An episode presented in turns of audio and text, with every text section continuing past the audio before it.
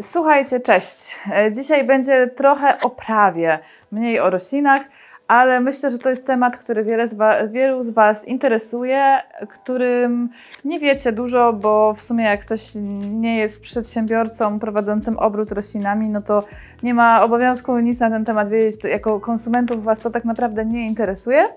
Nie musi Was to interesować, ale gdybyście po prostu chcieli wiedzieć, o co chodzi z tymi paszportami, dlaczego czasem są, czasem nie ma, no to postaram się Wam o tym opowiedzieć, bo kwestia chyba faktycznie jest dość ciekawa. E, Generalnie zacznijmy od tego, co to jest ten paszport. Ten paszport to jest e, nic innego jak taki dokument. Faktycznie, tak jak paszport. To jest paszport z naszych roślin, nazwa jest adekwatna. No i jak widzicie, tutaj ma takie cztery literki. Pod literką A musi być nazwa rośliny. Y, Niekoniecznie, nie ma obowiązku, żeby to była nazwa szczegółowa, czyli jeżeli na przykład jest e, e, epipremnum aureum, nie musi to być epipremnum aureum, ale musi być epipremnum. Czyli już trochę odchodzimy od takich rzeczy jak rośliny zielone mix. Musi być przynajmniej nazwa gatunkowa. B to jest e, numer, mm, dwie literki państwa członkowskiego i numer rejestracyjny. C to jest no, kod identyfikacyjny i D to jest zawsze kraj pochodzenia. Czyli to chyba dla Was jako e, mm, klientów najciekawsze jest A, nazwa rośliny i D, kraj pochodzenia. E, Informacje dodatkowe, takie jak cena, czy nasze logo, czy tutaj u nas jest wymiar rośliny, kod kreskowy, to już są e, informacje, które nie są, nie są e, obowiązkowe na paszporcie, tak?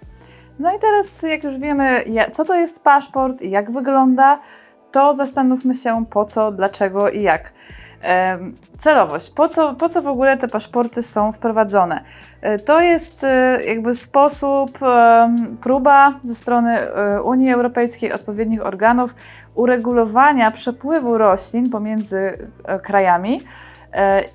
Pod, I dlaczego to jest ważne? Bo często z roślinami e, przedostają się z kraju do kraju, z miejsca do miejsca szkodniki i choroby. To mogą być e, właśnie choroby wirusowe, grzybicze, bakteryjne i to mogą być szkodniki e, roślin. Niektóre z tych roślin są bardzo niebezpieczne, na przykład dla rolnictwa, dla upraw. Mogą się przenosić z, właśnie z roślinami egzotycznymi. I problem pojawia się wtedy, kiedy one trafiają z miejsc, w których te szkodniki jakby są, jest to normalne, w miejscach, gdzie tych szkodników jeszcze nigdy nie było. I nie ma metod walki z tymi szkodnikami, nie ma w ogóle, mm, one nie mają swoich naturalnych wrogów w środowisku, są jakby nie istnieją w danej niszy ekologicznej i są sztucznie tam wtłaczane.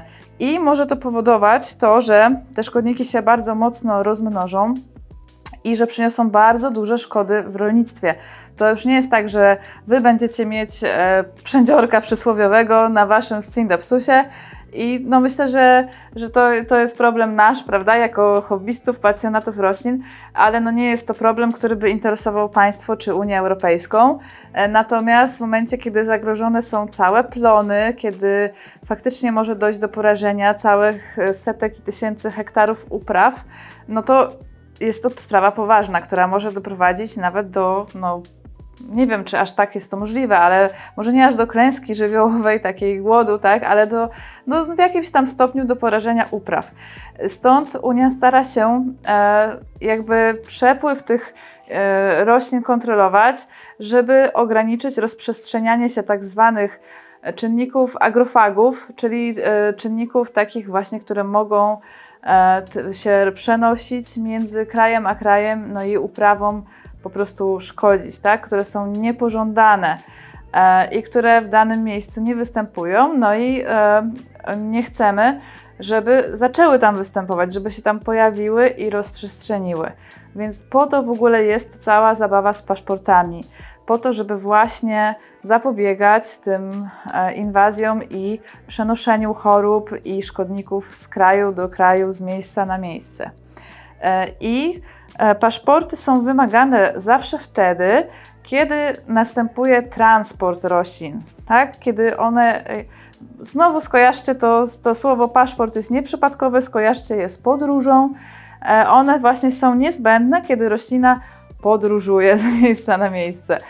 Czyli jeżeli mm, jako sprzedawca e, sprzedajecie roślinę w sklepie stacjonarnym, w jakimś tam lokalnym markecie, kwiaciarni, e, to e, i przychodzi klient, sobie kupuje roślinkę i bierze do domu, wtedy nie ma obowiązku wystawiania przez sprzedawcę, nie ma obowiązku, żeby ta roślina miała paszport. Może być bez paszportów. Więc proszę, nie chcę, żebyście po tym filmie poszli zlinczować panie z kwiaciarni, bo one faktycznie nie mają żadnego obowiązku paszportowania swoich roślin sprzedawanych wam i nie macie prawa tego wymagać w żaden sposób.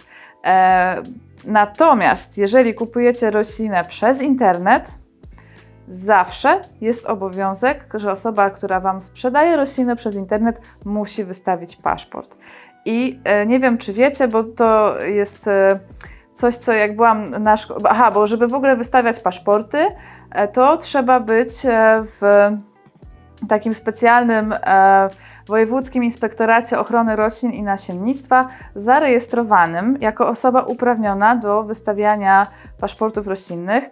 Trzeba przyjść na szkolenie, nie, szkolenie chyba nie jest, trzeba zdać egzamin państwowy, e, gdzie się wykaże odpowiednią wiedzą, znajomością przepisów, znajomością tych agrofagów kwarantannowych, e, które są właśnie zagrożeniem i dopiero trzeba sobie takie uprawnienia wyrobić, żeby móc paszporty naklejać. To nie każdy może je nakleić. E, Ale co jest ciekawe, i to właśnie jak robiłam e, ten kurs i egzamin, to to wywołało największą burzę emocji. Jeżeli ym, pan Kowalski, jako osoba zupełnie prywatna, sobie hoduje piękną, wielką marantę, e, utnie sobie jej listek i chce ją sprzedać przez internet, wysyłkowo, tak? Wysyłając paczkę pani e, Kowalskiej z drugiej miejscowości oddalonej o 50 km, to ta, ta osoba jest, e, musi po prostu zarejestrować się, musi zdać egzamin i musi wysłać roślinę z paszportem. W świetle prawa. Takie są przepisy, tak, takie jest prawo. E, Ta osoba nie musi być koniecznie przedsiębiorcą, nie musi mieć e, działalności gospodarczej, ale musi być zarejestrowana jako ta osoba wydająca paszporty i musi mieć e, odpowiednie do tego uprawnienia wedle prawa. Jeszcze jest taka kwestia, że często na pewno widzicie, że roślina może mieć dwa paszporty. Ma paszport producenta i ma paszport e, sklepu, tak? I nawet do, do Was z dwoma paszportami trafia. Nawet jestem sobie w stanie wyobrazić sytuację, gdzie trafi do Was z trzema e, paszportami. E, to wynika z tego, że te przepisy są sformułowane w ten sposób, że e, jakby e, producent, ogrodnik e, nie musi paszportować każdej rośliny z osobna, nie ma takiego obowiązku. Musi opaszportować daną jednostkę sprzedażową, czyli jeżeli sprzedaje na przykład rośliny na kartony, że cały karton powiedzmy lepismium, to musimy nakleić jeden paszport na karton. E, I teraz ta e, osoba, która kupiła od niego karton lepismium i chce sprzedać wysyłkowo jedno lepismium, e, musi jakby w swojej gestii musi opaszportować każde lepismium, które sp- chce sprzedać, tak? Czyli musi po prostu e, no, czy musi być paszport na jednostce, którą sprzedajecie. Jeżeli waszą jednostką sprzedażową jest karton, wózek, paletka, to przyklejacie jeden paszport na karton, wózek, paletkę. Jeżeli sprzedajecie na sztuki, no to na każdej sztuce sprzedajecie, e, musicie umieścić wasz paszport. E, Natomiast no, często e, producenci po prostu wychodzą nam, sklepom na rękę, e, bo nie wszystkie sklepy naklejają. To jest tak, że jeżeli, jeżeli producent wyjdzie e, naprzeciw potrzebom sklepików mniejszych i internetowych i wystawi paszport na każdej roślinie, to taki sklep internetowy nie musi już wystawiać swojego paszportu pod warunkiem, że nie przesadził rośliny, nic z nią nie zrobił, nie zmienił jej stanu fitosanitarnego, tak to się ładnie fachowo nazywa. Czyli jeżeli my jako Jungle Boogie kupujemy od e, ogrodników rośliny i każda z nich ma paszport, to nie musimy ich paszportować. Możemy je Wam sprzedać z tym paszportem ogrodnika. My tak czy siak e, swoje własne paszporty wystawiamy, bo oprócz tego jest jeszcze taki przepis, że musimy przechowywać wszystkie dokumenty kupna i sprzedaży roślin e, przez 3 lata, tak? E, Bo mamy co roku mamy kontrolę właśnie z Piorinu, e, gdzie musimy przedstawić dokumenty, dokumenty sprzedaży roślin i musimy, jakby musi to być tak zrobione, żeby w ciągu trzech lat każdy urzędnik mógł sobie sprawdzić, że ta konkretna roślina pochodzi od tego konkretnego ogrodnika z tej konkretnej partii. Tak? Więc my, i, i, nam i tak jest po prostu łatwiej, jeżeli nasze własne paszporty wystawimy, bo e, no to, że one są tutaj na papierze, to jest jedno, ale one są też u nas w systemie i my jesteśmy w stanie to połączyć, zidentyfikować i gdyby faktycznie jakaś e, potrzeba była, żeby to zidentyfikować, bo na przykład jakiś tam szkodnik gdzieś zaistniał w którejś partii sprzed dwóch lat i to właśnie zostało wykryte, no to możemy się cofnąć po śladzie i do tego dojść. E, No i jeszcze jedna rzecz się wiąże, wiąże z tym, że mamy właśnie e, co roku kontrolę, gdzie są, jesteśmy kontrolowani pod kątem właśnie zdrowotności roślin, pod kątem prawidłowości naklejania paszportów, pod kątem prawidłowości dokumentacji i ich przechowywania. E, także to jest regularne e, i my jesteśmy do tego jako przedsiębiorcy sprzedający przez internet zobowiązani. Stąd też e, czasem może być tak, że, no, nasze to są też dla nas duże koszty, tak? Prowadzenie takiej dokumentacji, którą ktoś musiał, jakby też system przechowywania tych danych musieliśmy zapłacić za to, żeby on został stworzony, no i to wszystko generuje bardzo duże koszty, e, które jako sklep ponosimy, tak? Stąd to też nie, nie pozostaje bez wpływu na, na naszą marżę i cenę. E, I co jeszcze z ciekawych rzeczy o paszportach? Mm, Czy sadzonka to też e, rośliny? tak, tak, jak najbardziej. Sadzonka, e, obcięty fragment liścia, łodygi, nasiona, to też, to też jest, e, e, jak to się nazywa ładnie, materiał roślinny, e, więc to też wymaga paszportów. I też ciekawostka, nie wiem czy wiecie, że nawet e, drewno, które się e, przewozi, to znaczy przewoźnik nie musi, ale osoba, która produkuje drewno i która je potem odsprzedaje w mniejszych partiach, też jest zobowiązana do e, umieszczania paszportów.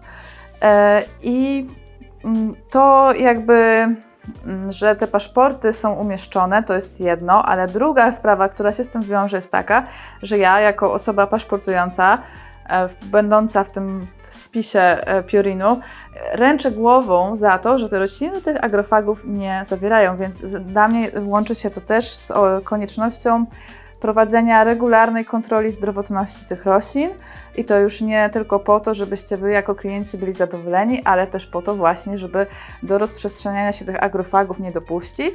E, No i na, na mnie e, spoczywa odpowiedzialność za to, żeby, żeby ich tutaj, ja jakby potwierdzam swoim podpisem, wydając paszport, że tych agrofagów tutaj nie ma.